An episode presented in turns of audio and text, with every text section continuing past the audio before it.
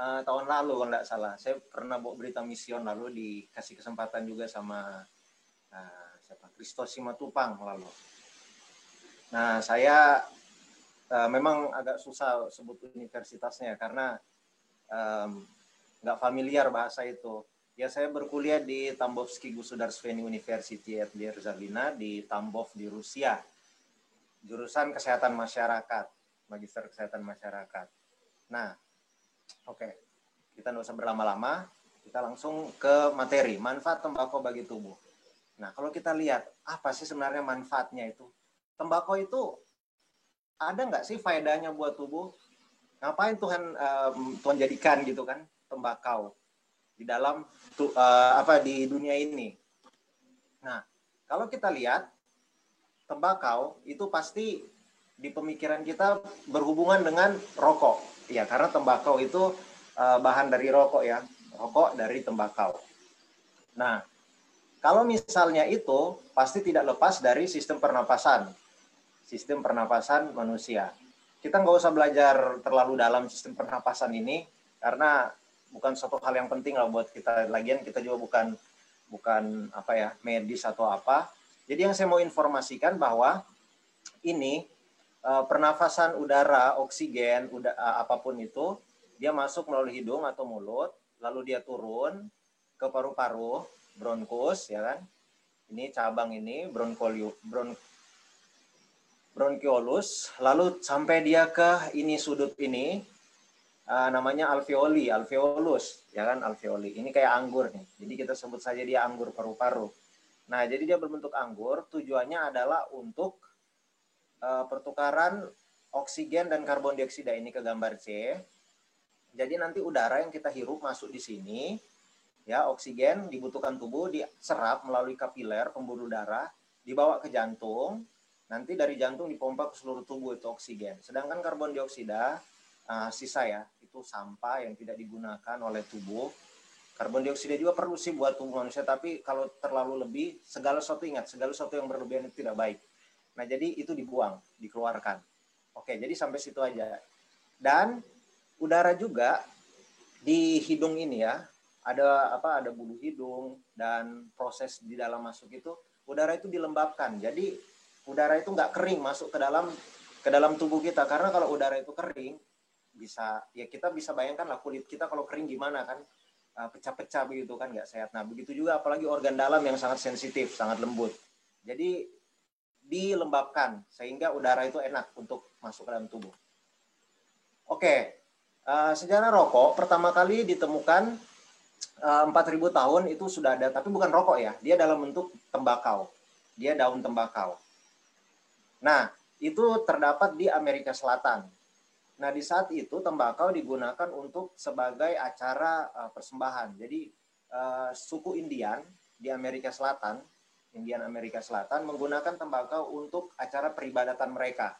Dan pada satu saat datang Christopher Columbus, penjelajah dari Spanyol, yang cita-citanya mau menemukan benua uh, apa? Benua Asia, yaitu Cina. Dia pingin itu cari itu Cina.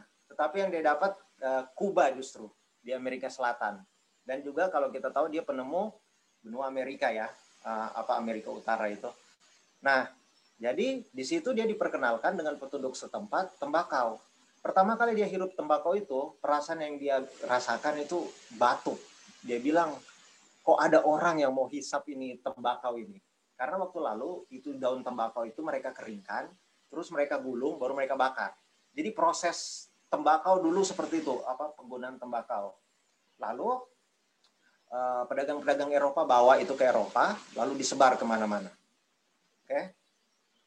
Nah, seiring berjalannya waktu, rokok mulai dimodernisasi.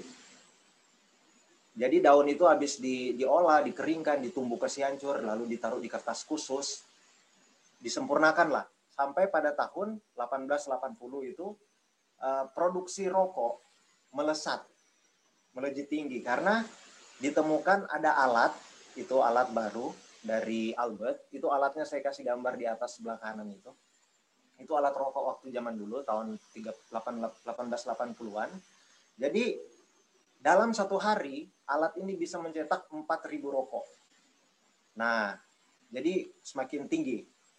Nah, ini data statistik di Amerika perokok eh, jumlah rokok dalam satu tahun jumlah perokok. Di awal abad ke-20 di awal abad ke-20 terdapat eh, 54 orang perokok. Hanya 54. Ya, ini banyak faktor ya. Karena waktu lalu bisa jadi karena apa? Uh, kurangnya teknologi, ya, kurangnya informasi dan lain sebagainya dan sulitnya untuk mengolah tembakau. Jadi masih sedikit orang, 54. Nah, tetapi di tahun 1965 itu dalam satu dekade per kapita di Amerika Serikat terdapat 4.295,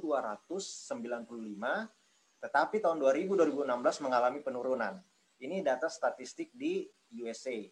Walaupun seperti itu ini bisa digolongkan ya cukup banyak lah. Nah, konsumsi rokok di Indonesia itu cukup tinggi untuk di, di negara kita. Itu mencapai 1.675 batang per kapita dalam satu tahun. Jadi kita bisa tarik kesimpulan awal bahwa negara maju, nah kita lihat contohnya Amerika. Dia semakin bertambahnya apa ya tahun, semakin ke sini, produksi rokok itu mereka tekan mereka mencoba untuk pola hidup sehat. Nah, tetapi di negara berkembang itu meningkat. Nah, itu dibuktikan dari konsumsi rokok ASEAN. Ini artikel 9 Maret 2017. Saya ambil dari tirto.id. Um, kita lihat bahwa di negara ASEAN, negara paling maju itu yang kita tahu adalah Singapura.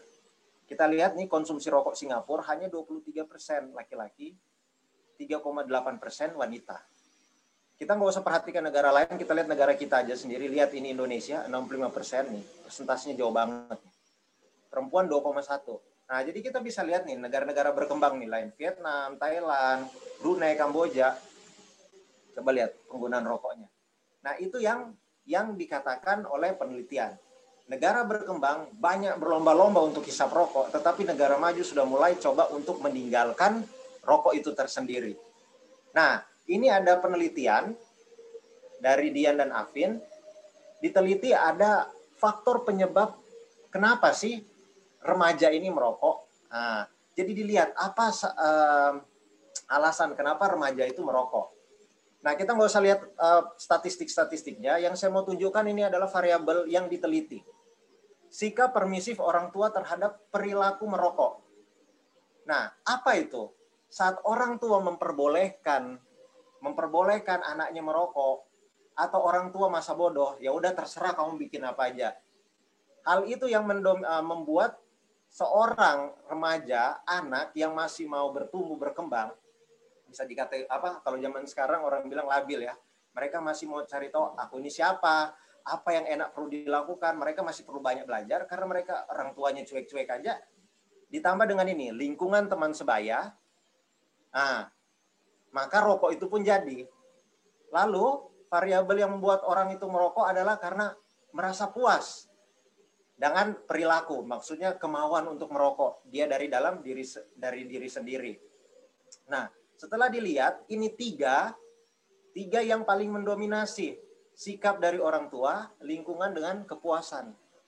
Nah, jadi dengan dengan orang tua memperbolehkan, dengan orang tua tidak mengontrol uh, anak-anaknya, maka kemungkinan besar remaja atau anak-anak ditambah dengan teman-teman sekitar, mereka lihat teman-temannya pada merokok semua, nah, hal itu bisa terjadi.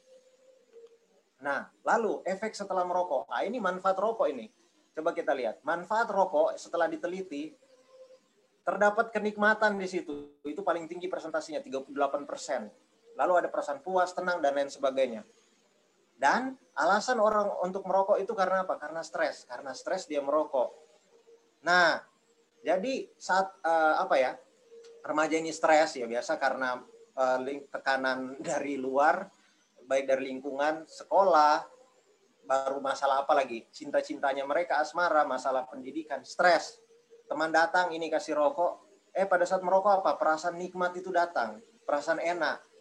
Nah, hal itu yang buat orang uh, remaja, kita bahas remaja dulu ini, remaja pingin merokok. Nah, kalau dia sudah dari remaja, dari kecil, udah mulai kebiasaan untuk merokok, maka semakin ke depan ke depannya dia akan semakin semakin ya semakin kecanduan dengan dengan rokok. Jadi manfaat rokok yang kita dapatkan di sini dari penelitian ini adalah rokok memberikan kenikmatan. Rokok itu enak. Nah, itu. Nah, tetapi di samping itu segala sesuatu ada sebab dan akibat. Nah, ini penelitian lagi dikatakan bahwa ini yang saya kasih kotak hijau bahwa rokok menyebabkan penyakit jantung koroner, trombosis koroner. Ya trombosis koroner itu terjadi uh, trombus ya, ada sumbatan di uh, uh, apa uh, arteri koroner, pembuluh darah koroner di jantung, di mana uh, arteri itu mensuplai oksigen, nutrisi ke jantung. Nah, kalau misalnya arteri tersebut, pembuluh darah tersebut yang mensuplai mensuplai oksigen, mensuplai nutrisi ke jantung itu tersumbat, jadinya gimana? Nah, jadi ini resikonya dan masih banyak lain. Wajah keriput, gigi bercak dan nafas bau, lingkungan menjadi bau dan yang nah ini kita lihat yang terakhir nih itu menjadi gerbang penggunaan obat-obatan terlarang bagi anak-anak. Nah, jadi itu dampak lain dari rokok. Nah, berdasar Kemenkes, berdasarkan Kemenkes, Kementerian Kesehatan Republik Indonesia, dalam kandungan satu batang rokok yang sepanggal ini, ya, yang kecil ini, terdapat 4.000 jenis senyawa kimia, 400 zat berbahaya, 43 zat yang membuat orang kena kanker. Bayangkan itu cuma spanggal itu isinya begini. Banyak banget itu. Tetapi ada tiga komponen utama yang ada di rokok. Yaitu karbon monoksida, tar, dan nikotin. Apa sih karbon monoksida itu? Karbon monoksida itu gas di mana dia secara sederhana dia mengambil oksigen di dalam uh, apa di dalam uh, tubuh kita. Jadi saat kita hisap itu asap rokok, oksigen juga kan kita kan hirup. Nah, oksigen itu digantikan posisinya dengan karbon monoksida. Sehingga orang bisa kekurangan oksigen. Sedangkan kita tahu kebutuhan oksigen sangat dibutuhkan dalam tubuh. Terdapat juga tar. Tar itu zat yang menyebabkan kanker, zat karsinogenik. Oke? Dan nikotin itu adalah senyawa adiktif yang membuat orang ketagihan. Nah, kalau begitu, bagaimana dengan rokok elektrik atau dikenal dengan vape? Apakah vape itu bisa juga dikonsumsi? Kalau rokok-rokok biasa kan konvensional yang biasa kayak um, apa merek-merek rokok di Indonesia, Marlboro, apa yang ada LA mild, nah itu kan rokok begitu kan. Bagaimana dengan vape? Nah, vape itu ternyata sudah ada sejak tahun 1930 terus dikembangkan terus dikembangkan sampai pada tahun 2003 nah ini saudara-saudara bisa cari aja di internet sejarah rokok. Ya nggak nggak terlalu penting juga sih. Nah pada tahun 2003 seorang farmasi dan perokok bernama Honli ya ini dari Tiongkok berhasil membuat rokok elektrik dan menjual dia sebar luaskan jadi tahun 2003 itu sudah mulai ngetren rokok elektrik nah pertanyaannya apa itu rokok elektrik sama nggak sih rokok elek, uh, apa elektrik ya? Rokok elektrik itu dengan rokok biasa itu. Nah, kita lihat dulu. Itu alat yang berfungsi seperti rokok, seperti rokok. Nah, berarti mereka serupa tapi tak sama. Kenapa? Dia tidak menggunakan atau membakar daun tembakau. Nah, vape itu tidak dibakar, tetapi mengubah cairan menjadi uap. Nah, kalau tembakau yang tadi seperti Christopher Columbus, zaman dulu itu dibakar menggunakan api, jadi asap yang mereka hirup. Sedangkan vape adalah uap. Jadi air cairan yang dipanaskan lalu itu terhirup.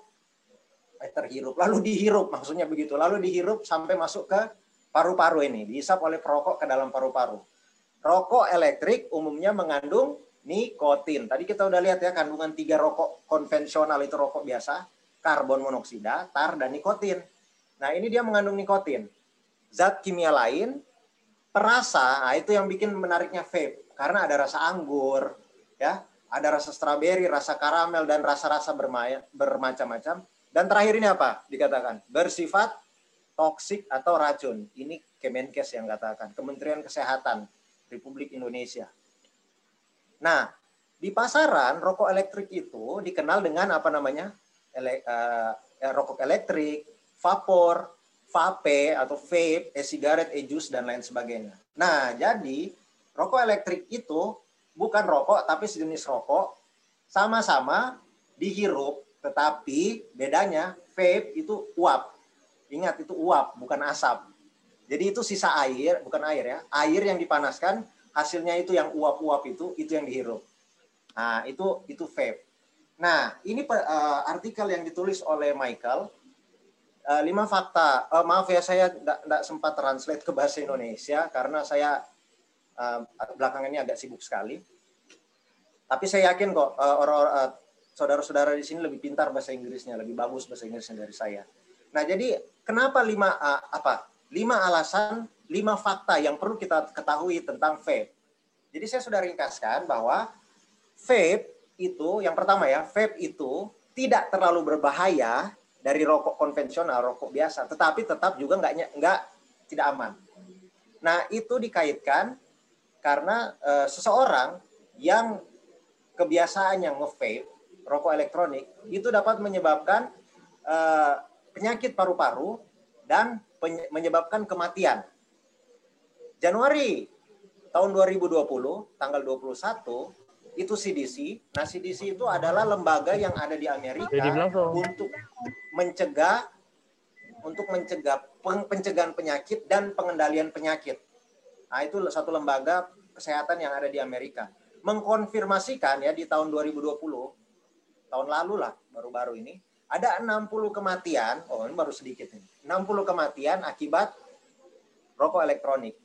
Dan itu mereka terdiagnosa penyakit eh, penyakit paru namanya EVALI. Nah, kita lihat apa itu EVALI nanti ya. Nah, lalu yang kedua, penelitian mengatakan bahwa vape itu tidak bagus buat kesehatan jantung dan paru. Kenapa? Karena di dalam vape itu mengandung nikotin dan itu merupakan zat adiktif yang sangat tinggi di dalam di dalam kandungan senyawa tersebut. Lalu fungsi fungsi nikotin. Fungsi nikotin uh, apa uh, efek bukan fungsi. Dia bisa juga berfungsi.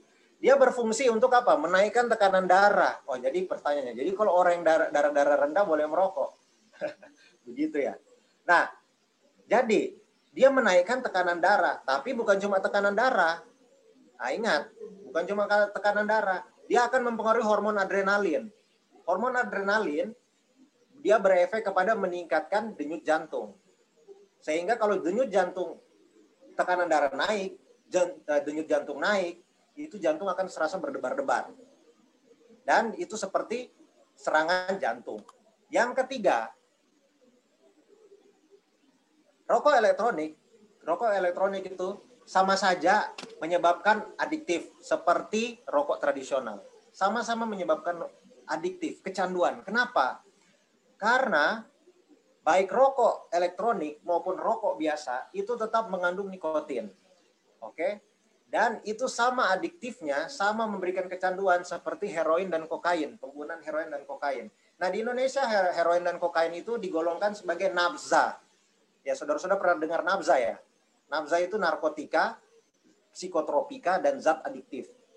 Mereka masuk di golongan ini. Ini narkoba ini, heroin dan kokain sama. Dan dikata di artikel mengatakan bahwa di rokok elektronik lebih banyak nikotinnya dibandingkan rokok biasa. Nah, itu dia. Lalu yang keempat, rokok elektronik bukan satu-satunya alat untuk memberhenti uh, apa ya berhenti merokok. Oh jadi saya akan berhenti merokok, saya pakai rokok elektronik aja. Saya mau meninggalkan rokok yang dulu, saya beralih. Itu bukan merupakan jalan. FDA ini Food and Drug Administration itu BPOM-nya Amerika. Mereka tidak menyarankan itu bukan hal atau merupakan jalan yang terbaik. Dan yang kelima, yang terakhir, bahwa generasi muda saat ini mereka terperangkap ya tertarik dengan nikotin.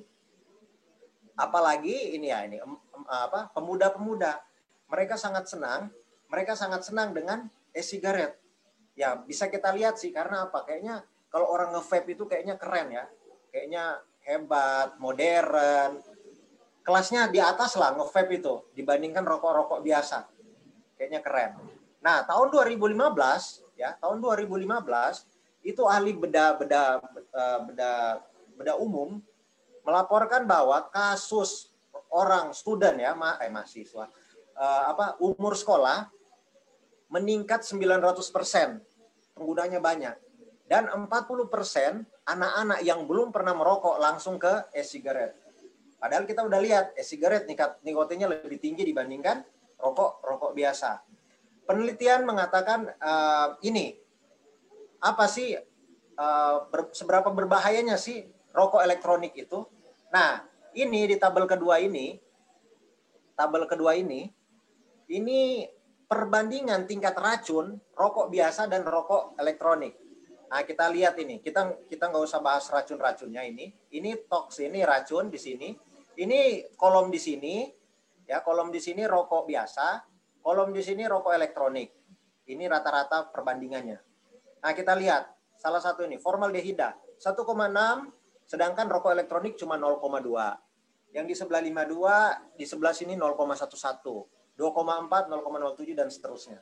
Jadi apa kesimpulannya? Kesimpulannya rokok di uh, rokok elektronik lebih rendah dibandingkan rokok biasa. Nah, hal itu yang merupakan uh, yang apa ya? Yang menjadi dalih, yang menjadi alasan bahwa oh rokok elektronik aman, tidak seperti rokok biasanya. Iya betul. Kenapa? Karena kadar racunnya sedikit. Tetapi mau dia sedikit, mau dia banyak, namanya di sini tulis racun, pasti racun. Ya, berbahaya. Nah, ini dia anjuran, anjuran bahwa uh, ya saudara-saudara bisa baca. Saya mau tekankan yang poin satu ini aja. Rokok elektronik tidak boleh digunakan di daerah yang bebas asap rokok. Nah, apa arti dari kalimat ini? Bisa kita kategorikan bahwa rokok elektronik berbahaya. Kenapa? Kalau dia tidak berbahaya, dia tidak ada larangan mengatakan bahwa merokok di tempat umum, eh merokok, nge-vape, rokok elektronik di tempat umum itu nggak apa-apa.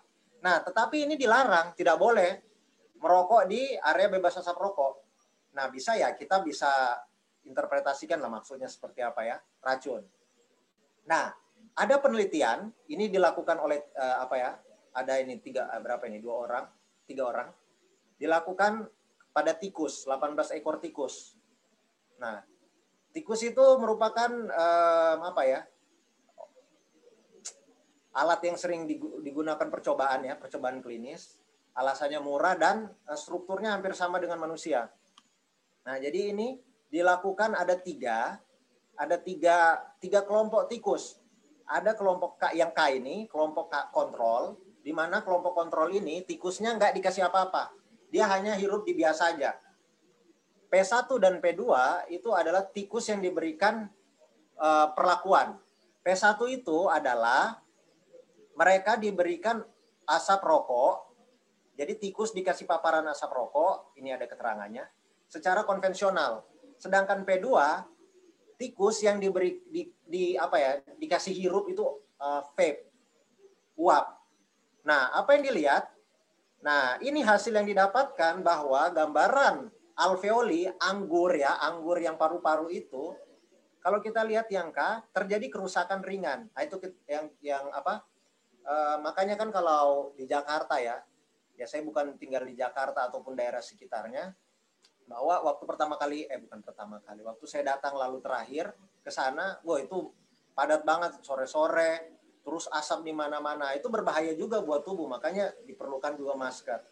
Terjadi kerusakan ringan, walaupun nggak diberikan uh, apa asap-asapan atau uap-uapan tadi. Kita lihat nih, uh, alveolinya putih, terus besar, bagus, lubangnya bagus. Maksudnya supaya pertukaran oksigen lancar. Tetapi kita lihat P2 dengan P1 ini. Sudah mulai menghitam, berwarna. Dan ini terjadi nih, penyempitan nih. Di sini nih, nih paling sempit nih yang P1. P1 itu orang eh orang tikus yang diberikan uh, asap rokok biasa. P2 ini uap dari vape. Nih lihat nih. Ini dia punya lubang alveoli itu yang uh, apa? apa sih namanya itu paru-paru itu anggur-anggur tadi itu mengalami penyempitan. Nah, dan tadi kita lihat di dalam vape itu ada air liquid di situ, ada cairan di situ. Nah, titik fokusnya di cairan ini. Ini uh, artikel yang ditulis eh ya dari blue.com. Nih, ada websitenya. Bahwa um, nih, air liquid itu mengandung PG Fiji. Nah, kita lihat ya. Ini uh, cairan yang ada di uh, rokok elektronik. Ada PG, ada Fiji, ada air, ada perasa, dan nikotin. Tetap ada. Tetapi walaupun itu dibilang ada beberapa liquid, ya, liquid ini cairan ini tidak mengandung nikotin. Ada beberapa, tapi umumnya mengandung nikotin. Nah, kita lihat apa ini mereka semua ini. Nah, ini PG, ini dari um, badan lembaga yang melihat itu substansi atau senyawa itu beracun atau tidak. Nah, kita lihat aja di atas ini yang tulisan hijau ini. Toxic Substances Portal. Propylene glycol. Nah, jadi kita bisa lihat PG itu racun. Nah, senyawa beracun. Nah, itu yang ada di e-liquid tadi.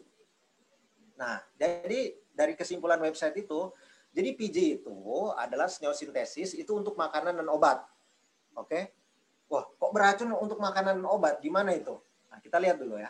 Nah, VDA itu yang tadi BPOM-nya Amerika mengklasifikasikan PG itu umumnya aman. Nah, berarti ada yang tidak aman dong. Kalau dia bilang PG itu aman ya berarti aman, tapi ini dibilang umumnya cenderung. Nah, jadi itu kayak kayak apa ya, setengah-setengah ya. Terus dia masuk bisa masuk ke dalam tubuh manusia. Nah, PG itu kalau kena dalam kulit dia bisa terserap oleh kulit, dia masuk. Efek sampingnya jarang terjadi. Itu alergi biasa, alergi gatal-gatal lah, iritasi, merah, perih. Itu tapi jarang terjadi. Dan FDA ini menganjurkan 20 mg per kilogram berat badan. Itu eh, apa ya batas maksimal. Biasanya dalam satu hari orang bisa menerima ini PG. Nah, tetapi kalau misalnya di vape itu kita tidak tahu PG itu berapa banyak. Itu satu. Yang kedua, kalau dia sudah kecanduan, berapa banyak yang dia hirup itu? Ya kan? PG. Nah, pertanyaannya, PG di dalam makanan ya dalam makanan, apakah itu aman? Nah, itu ada yang nulis itu artikelnya, ada perempuan itu siapa namanya itu? Elis. Nah, jadi dirangkum uh, saya bisa simpulkan dari situ bahwa PG itu adalah senyawa sintetik yang tidak berwarna, tidak berbau, tapi bersifat cairan. Dan itu sama kelasnya dengan senyawa seperti alkohol. Oke, jadi kita lihat itu PG. Lalu PG sangat rendah tingkat keracu, uh, racunnya sangat rendah, very low. Sehingga menyebabkan kasus keracunan, orang keracunan PG itu jarang terjadi. Karena sangat rendah. Dianjurkan bahwa orang yang menderita penyakit ginjal atau hati tidak untuk konsumsi ini PG Kenapa? Karena PG itu nggak bisa dibuang sepenuhnya. Fungsi ginjal dan fungsi hati adalah untuk menyaring darah, untuk menyaring racun, untuk detoksifikasi tubuh. Nah, kalau ini ada gangguan, PG ini akan bertumpuk dalam tubuh. Sehingga lama-kelamaan akan menyebabkan keracunan. Lalu, penggunaan pada anak muda, anak-anak ya, dan bayi itu tidak bisa, tidak dianjurkan. Kenapa? Karena organ mereka ginjal, hati dan lain sebagainya mereka masih mau bertumbuh. Saat dimasukin racun itu yang PG itu sudah tidak bisa apa-apa lagi. Nah, lalu saat saat uh, apa dilaku uh, terdapat apa ya dilakukan penelitian di populasi PG yang tinggi ya di dalam pengobatan kan tadi dibilang kan PG itu digunakan dalam pengobatan dan makanan saat itu obat yang mengandung PG itu dikonsumsi dalam jangka apa ya obat ya dalam jangka yang tinggi, eh, dosis yang tinggi, jangka yang panjang, itu menyebabkan gangguan tekanan darah, gangguan tekanan darah dan irama jantung. Nah, itu yang tadi sudah dibilang tadi. Tekanan darah, irama jantung ya karena mempengaruhi hormon adrenalin. Nah, lalu dengan ah, kalau VG itu apa sih? Nah, itu artikel yang ditulis sama itu um, ibu di atas itu, Alina. Nah, Fiji itu dia uh, agak manis, dia cair, dia dari lemak lemak tumbuhan, lemak sayur. Nah, lalu Fiji ini sering digunakan terlebih khusus di pada kosmetik, pada obat-obatan dan makanan. Nah, itu itu Fiji ya. Nah, Fiji juga fungsinya yaitu tadi kan bilang obat untuk melembabkan melembabkan kulit untuk e, mengurangi iritasi pada kulit. Jadi kalau misalnya kulit kita iritasi e, pakai minyak ini ya, Fiji ini, itu kan dari ekstrak e, apa tumbuhan itu kan Fiji. Nah, itu bisa. Lalu melindungi dari infeksi dan lain sebagainya bisa dilihat. itu sebagai obat. Nah, tadi saya sudah bilang bahwa uh, udara yang masuk dalam tubuh manusia itu dilembabkan supaya bisa dengan mudah diproses dan tidak mengiritasi sistem pernapasan kita. Nah, saat udara kita sudah dilembabkan, lalu kita hirup lagi itu Fiji, lembab semakin lembab, maka akan terjadi banyak cairan. Nah, kita kita uh, berpikir lagi. Kalau cairan itu banyak, dia akan kan tadi uh, apa udara itu masuk ke alveoli kan nanti untuk pertukaran di situ yang anggur-anggur tadi. Nah, anggur-anggur itu kan kosong supaya da, uh, udara bisa keluar masuk. Nah, saat itu sudah tertumpuk dengan cairan-cairan itu, saudara-saudara bisa bayangkan itu yang alveoli itu kosong terus ada airnya di situ. Nah, itu sama seperti kita itu bernapas di dalam air. Jadi kita berenang, terus kita bernafas. Ya, begitulah jadinya. Kita nggak ada pertukaran di situ. Karena paru-parunya udah ketimbun dengan air. Ah, itu orang bilang tenggelam di darat. Ah, itu istilahnya. Lalu, Fiji biasanya aman. Walaupun begitu, tetap aja ini ya, tetap aja menimbulkan reaksi alergi, sakit kepala, mual, rasa haus, gangguan pada perut. Ah, itu Fiji. Lalu fakta dari uh, rokok ini, ini ini ini uh, websitenya di atas ya. Jadi e-sigaret itu merupakan alat ya, alat atau device yang mengandalkan pemanasan pemanasan cairan. Sehingga cairan itu akan berubah bentuk uap embun lalu itu akan yang uh, uap tersebut yang akan dihirup. Dan kita lihat ini. Di dalam e-sigaret itu tergan, uh, apa mengandung nikotin dan kalau kita baca nikotin itu juga berasal dari tembakau. Kita balik lagi tembakau itu apa? Itu yang rokok konvensional tadi itu. Yang rokok yang digulung-gulung itu. Nah ujung-ujung kembali lagi ke situ. Jadi itu kayak lingkaran-lingkaran begitu-begitu aja mereka. Nah itu nikotin. Nah lalu tren. Ini trennya. Ini tren penelitian tahun 2014 tapi datanya diambil 2011 sampai 2018 eh salah. Ini penelitian dari tahun 2011 sampai 2018, jadi penelitian selama tujuh tahun. Mereka lihat pola uh, student, pelajar, dalam e-sigaret. Nah, kita lihat tahun 2011, orang sudah mulai uh, konsumsi ya ini. Kalau yang garis titik uh, putus-putus ini, itu anak SMA. Kalau yang kuning itu uh, apa semua digabungkan SMA dan SMP. Sedangkan yang putus-putus panjang ini garis ini putus-putus panjang ini itu um, SMP. Nah, kita lihat semakin bertambahnya semakin bertambahnya waktu ke kemari ke sini ke sini penggunaan e-sigaret itu banyak apalagi di kalangan anak SMA. Tuh anak SMA tuh. Dari ini ini uh, presentasi meningkat banget nih tahun 2017 sampai 2018 sekitar 21 persen anak SMA konsumsi rokok. SMP juga nih ikut-ikutan nih. Nah, sudah mulai naik. Nah, jadi trennya itu yang tadi orang tua masa bodoh mungkin sibuk karena pekerjaan atau apa ya udahlah nggak apa-apa yang penting kamu bahagia kamu senang terserah lah nggak apa-apa. Baru lingkungan dari teman-teman baru ditambah dengan ih kayaknya ngevape itu keren ya hebat ya kelihatan uh, elit dan lain sebagainya. Nah itu seperti itu dia. Nah jadi dikata eh, dibilang di artikel itu bahwa e-sigaret itu tidak aman karena kembali lagi ada nikotin di situ yang berbahaya bagi manusia yang berefek kepada kerusakan otak ya kenapa karena bukan cuma nikotin kan tadi yang di itu ada tiga yang utama kan senyawa utama karbon dengan um, apa tar jadi mengganggu kerusakan otak karena kadar oksigen semakin turun adanya apa nih kecanduan adiksi maunya pingin lagi, pingin lagi, pingin lagi ya karena itu karena nikotin dan gangguan tingkah laku. Oke, Evali. Apa itu Evali? Itu tadi yang Evali yang saya bilang, itu penyakit yang berkaitan dengan e-cigarette, dengan rokok elektronik, vape. Oke. Ya, ini data dari uh, perkumpulan paru-paru ya, Amerika apa dokter paru-paru Amerika.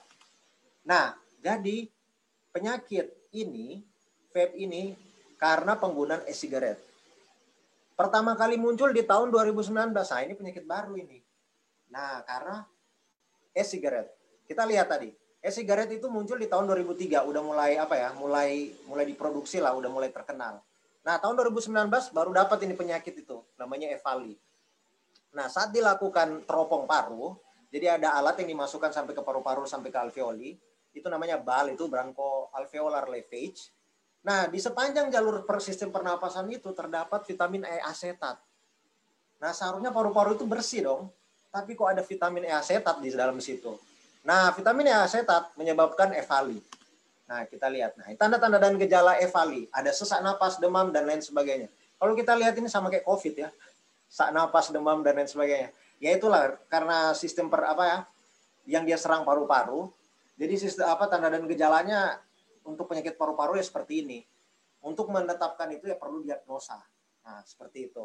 Nah, itu diagnosa waktu pas dilakukan pemeriksaan terdapat vitamin E asetat di sepanjang jalur pernapasan. Seperti tanda dan gejala evali. Nah, ini dari CDC lagi. Itu lembaga tadi, lembaga kesehatan yang ada di Amerika bahwa dikatakan pertama mereka nggak terlalu tahu apa itu Evali karena itu kan penyakit baru tahun 2019.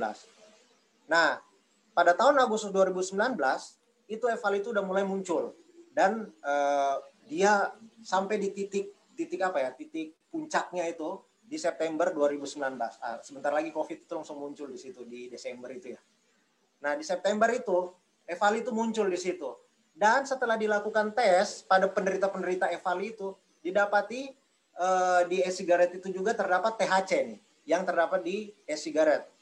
THC, tetrahidrokannabinol. Nah, lalu terdapat juga vitamin E asetat di situ. Yang tadi yang saya yang saya tadi sudah bilang di slide atas. Di jalur itu. Nah, kita lihat apa sih THC itu?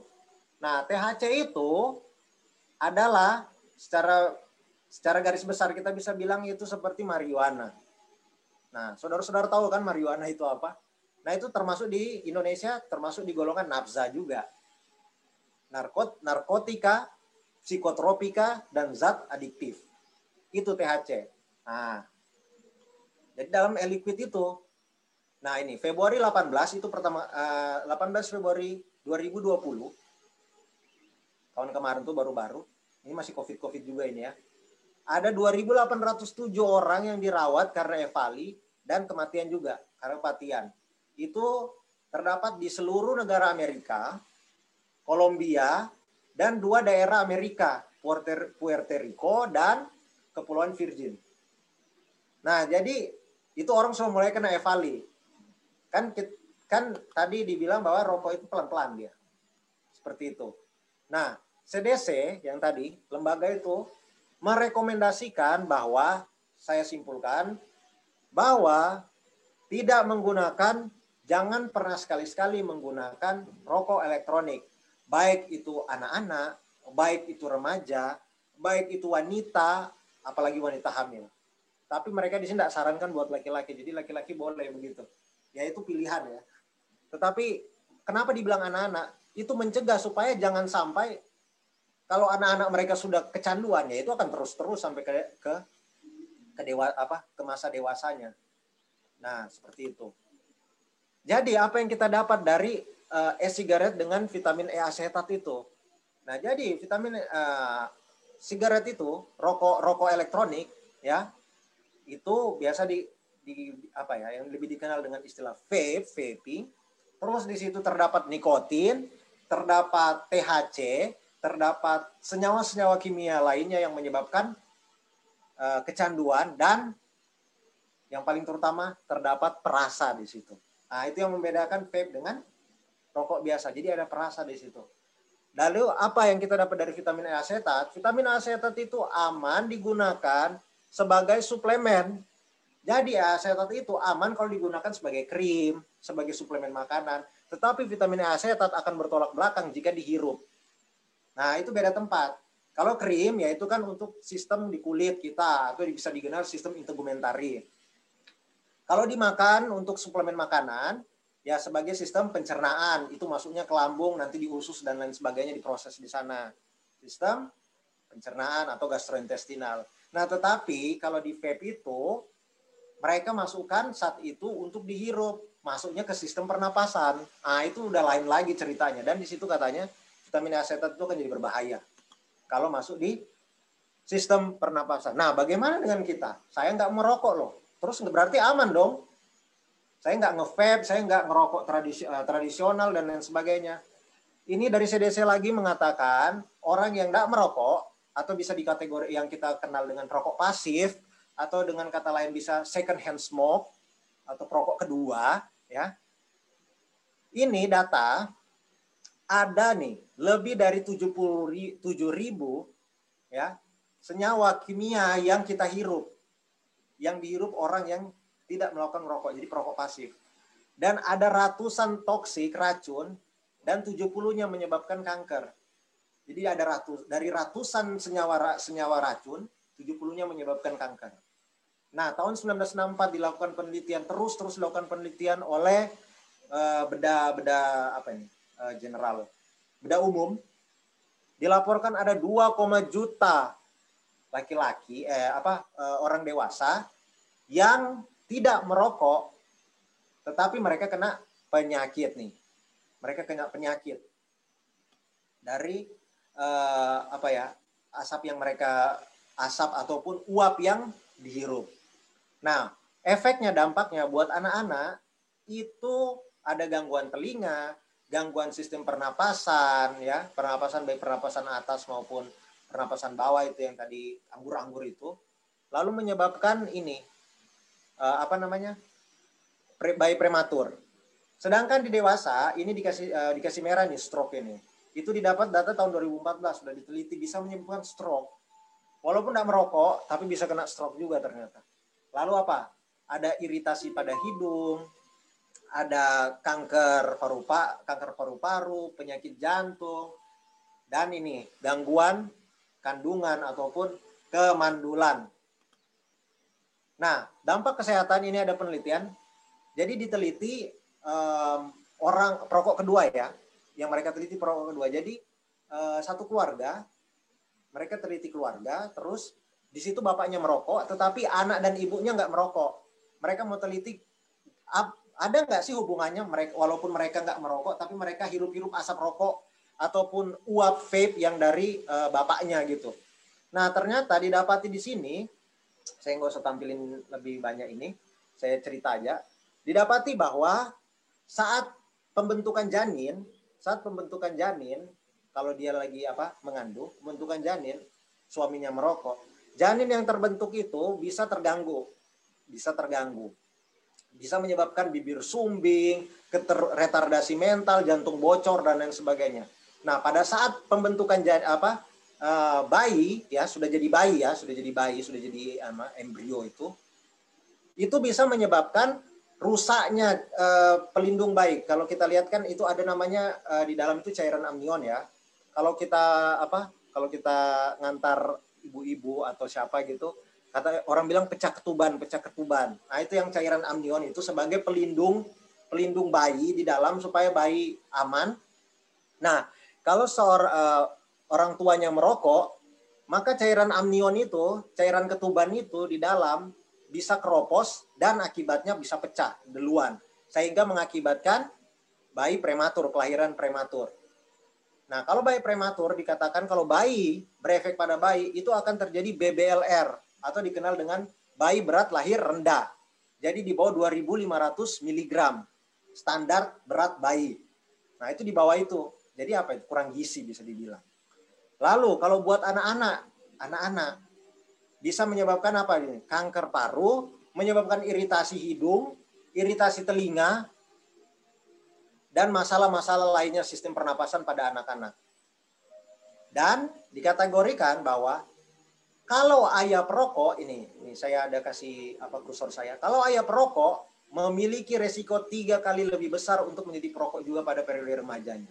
Seorang anak ya, anak yang memiliki ayah perokok memiliki resiko tiga kali lebih besar untuk menjadi perokok juga pada periode remajanya. Iya. Kenapa? Ya sesuai penelitian tadi yang di atas. Selain orang tuanya membolehkan, lingkungan. Ah, saya punya bapak juga merokok kok. Teman-teman juga dukung. Iya, ayo rokok, rokok, ayo sama-sama ngerokok. Ya udah jadi. Akhirnya terputar-putar aja di situ ngerokok, ngerokok, ngerokok. Nah, jadi ada efeknya. Nah, jadi kesimpulan yang bisa saya berikan pada sore ini adalah nah, ini juga saya belum sempat translate ini. Ini dari apa? salah satu instansi medis yang ada di Rusia. Saya akan ringkaskan bahwa rokok elektronik tidak memiliki sertifikat dari WHO. Ya, ini ini. Ini ini. Tidak memiliki sertifikat dari WHO. Rokok elektrik tidak baik buat kesehatan. Rokok elektrik eh, apa ya? Memboroskan uang karena tidak ada hemat di situ. Ah, itu bilang. Karena ya mereka udah teliti kan karena ya kita lihat-lihat aja di apa postingan-postingan Instagram itu nah. Um, apa saat orang tidak merokok dia tabung 20 ribu uangnya kalau kalau rokok dia punya budget 20 ribu kalau dia pingin merokok 20 ribu dia taruh di celengan 20 ribu taruh di celengan selama satu tahun udah jadi banyak banget itu sudah bisa beli laptop beli mobil jadi dikatakan bahwa saat kita merokok itu justru bikin boros perekonomian kita sendiri nah jadi kandungan dan bahaya vape, rokok dan lain sebagainya itu sama. Ini tadi kita sudah bahas, ini dari Kemenkes juga dan Kompas ya. Nih, tetap sama ada PG, ada VG, nikotin dan cairan lainnya, itu yang tadi kita sudah bahas.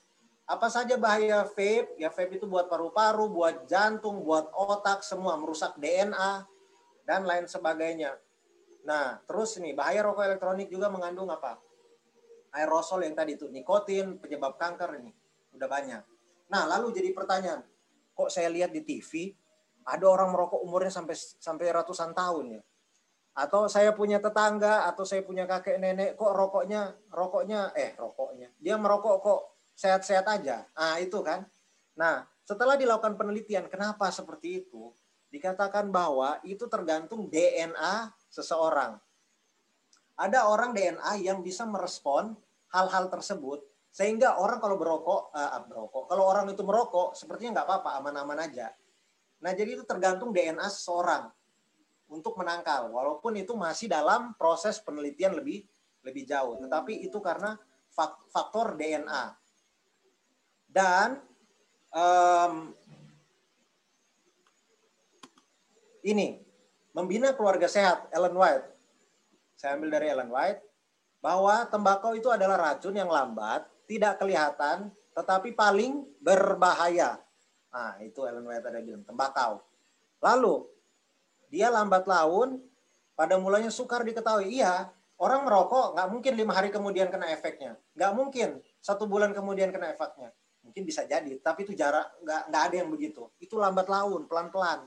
Seperti yang tadi bilang kan, tahun 2019 baru muncul itu penyakit EVAL itu. Lalu um, uh, sebentar dulu, saya izin izin satu menit dulu. Um, apa? Saya mau ngecar laptop dulu sebentar.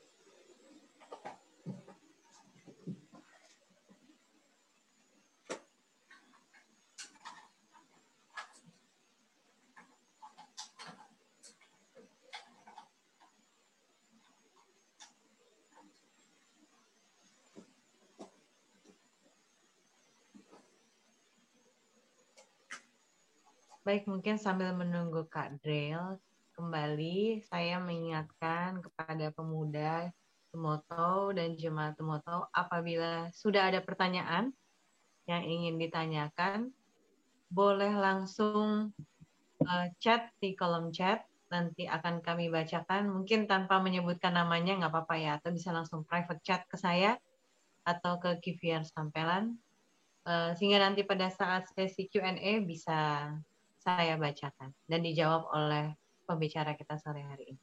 Thank you. Oke, terima kasih. Maaf, maaf. Nah, jadi Ellen White mengatakan bahwa tembakau adalah racun yang lambat laun tidak kelihatan, cara kerjanya paling berbahaya. Lambat laun, bukan cepat. Lalu apa fungsi eh fungsi uh, apa efek dari tembakau ini? Dia merangsang, kemudian melumpuhkan saraf. Nah, itu tadi kita udah bahas, ada karbon monoksida di situ. Sehingga otak kekurangan oksigen. Coba bayangkan kalau otak kekurangan oksigen. Kita kurang tidur, apa yang jadi? Lalot, nggak bisa berpikir. Makanya kan anak-anak sekolah kan tidur cepat, bangun subuh supaya apa? Kadar oksigen itu cukup dalam dalam tubuh. Nah, saat orang merokok, kadar oksigen itu akan kurang. Yang banyak monoksida di situ. Ya sehingga apa? Lalot di situ. Jadi lalot, lambat, ya. Mulanya suka ah, apa? Melemahkan dan mengganggu otak ya. Lalu apa lagi? tembakau itu lebih dahsyat dibandingkan minuman yang memabukkan. Wah, jadi lebih bahaya rokok dibandingkan alkohol. Dia punya uh, efek ya dan sulit dibasmi. Kenapa sulit? Ada nikotin di situ, ada nafza yang tadi ada, ada THC itu, itu yang bikin rangsang. Oh, aku mau lagi, aku pingin lagi. Kenapa? Habis itu kayak perasaannya enak, perasaan tenang, hebat.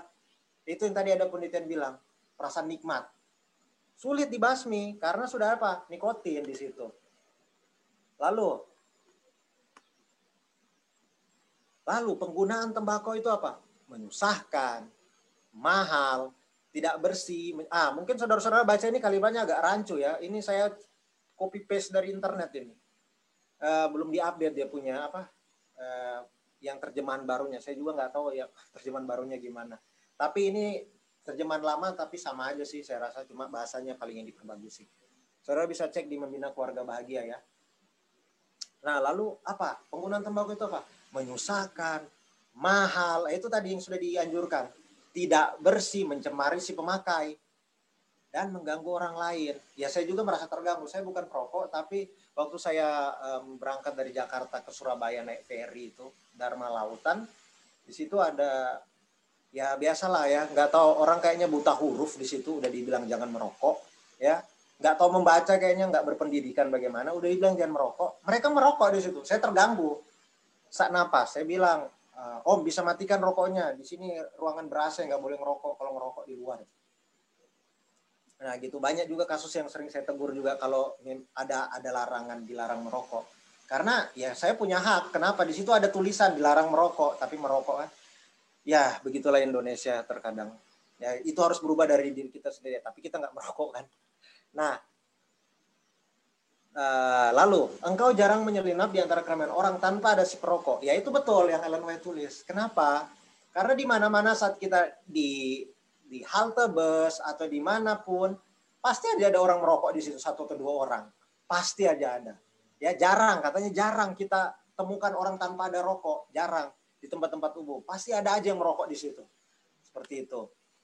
Nah, bagi kalangan ini, Ellen White tulis, bagi anak-anak dan orang muda, nih, penggunaan tembakau itu bahayanya tidak terkira. Nah, zaman dulu Ellen White bukan seperti saintis apa ya kesehatan yang teliti-teliti itu evali, teliti-teliti itu stroke dan lain sebagainya. Tapi dia sudah bilang bahwa itu akan ada terjadi bahaya yang tidak terkira yang bisa jadi dalam orang yang pengkonsumsi maupun orang yang tidak konsumsi. Nah ini praktek-praktek yang tidak menyehatkan dari generasi lalu itu akan mempengaruhi anak-anak muda. Yaitu penelitian sudah bilang, penelitian dibuat tahun 2011, 2017, Ellen White sudah tulis di tahun 1800-an bahwa apa? Saat mereka lihat bapaknya merokok, saat mereka melihat orang tuanya merokok, ah ya udah saya anak-anaknya terpengaruh bapak saya merokok orang tua saya merokok. Tidak masalah saya juga merokok. Itu sudah dibilang. Dan penelitian tadi bilang apa? Saat orang tua merokok tiga kali kecenderungan tiga kali lipat seorang anak bisa merokok. Ellen White udah tulis itu udah lama. Lalu apa? Mempengaruhi anak-anak sehingga apa? Otak itu jadi tidak mampu fisik jadi lemah saraf terganggu dan keinginan-keinginan yang tidak wajar yaitu zat-zat adiktif tadi yang kita sudah udah udah lihat. Itu karena apa? Warisan dari orang tua. Nah, lalu anak-anak lelaki mulai menggunakan tembakau dalam usia yang sangat muda. Itu tadi kita lihat presentasi laki-laki yang merokok dengan wanita lebih banyak laki-laki. Ini anak-anak lelaki nih. Penelitian tahun 2011, 2000 2000-an, Ellen White udah tulis di tahun 1800-an waktu dia hidup. Iya ya, kalau tidak salah Ellen White hidup 1800-an ya. Ya koreksi saya kalau salah. Pokoknya Ellen White udah tulis, udah tulis udah udah lama banget tuh. Menggunakan tembakau dalam usia yang sangat muda. Itu tadi penelitian dari SMP. SMP sudah ditulis, sudah mulai digunakan. Terbentuk, nah ini ketika tubuh dan pikiran sangat mudah terbawa kepada pengaruh, yaitu orang bilang masih labil, masih mau cari-cari jati diri, masih pingin tahu ini benar nggak, ini salah nggak, ini kayaknya enak deh itu sudah dibilang, sudah banyak yang menggunakan, sudah mulai menggunakan di situ. Sehingga tubuh bisa membuat apa? Menghilangkan kekuatan tubuh, membuat tubuh jadi kerdil, membius pikiran, merusak moral, dan lain sebagainya. Nah, itu anjuran dari Ellen White. Nah, terus apa kata Alkitab? 1 Korintus 3 16. kamu adalah bait Allah, bahwa roh Allah ada di dalam kamu. Nah, coba kita bayangkan tubuh kita ini bait Allah kan? Ini Korintus yang bilang. Lalu kita hirup rokok. Ya itu itu seperti kayak kita kasih apa ya? Kasih asap rokok atau kita kasih apa ya? Uap uap vape itu sama sama Tuhan sendiri karena apa? Roh Allah ada diam di dalam kita. Jadi itu kita kayak asapin itu nah. Trinitas yang ada dalam tubuh kita dah. Nah, atau logika gini aja. Um, apa? Kita datang ke gereja. Bisa nggak di gereja itu kita ngerokok? Atau kalau kita bicara dari apa uh, agama lain lah, bisa nggak ngerokok dalam masjid? Bisa nggak ngerokok di pura? Pasti dimarahin kita, ya kan?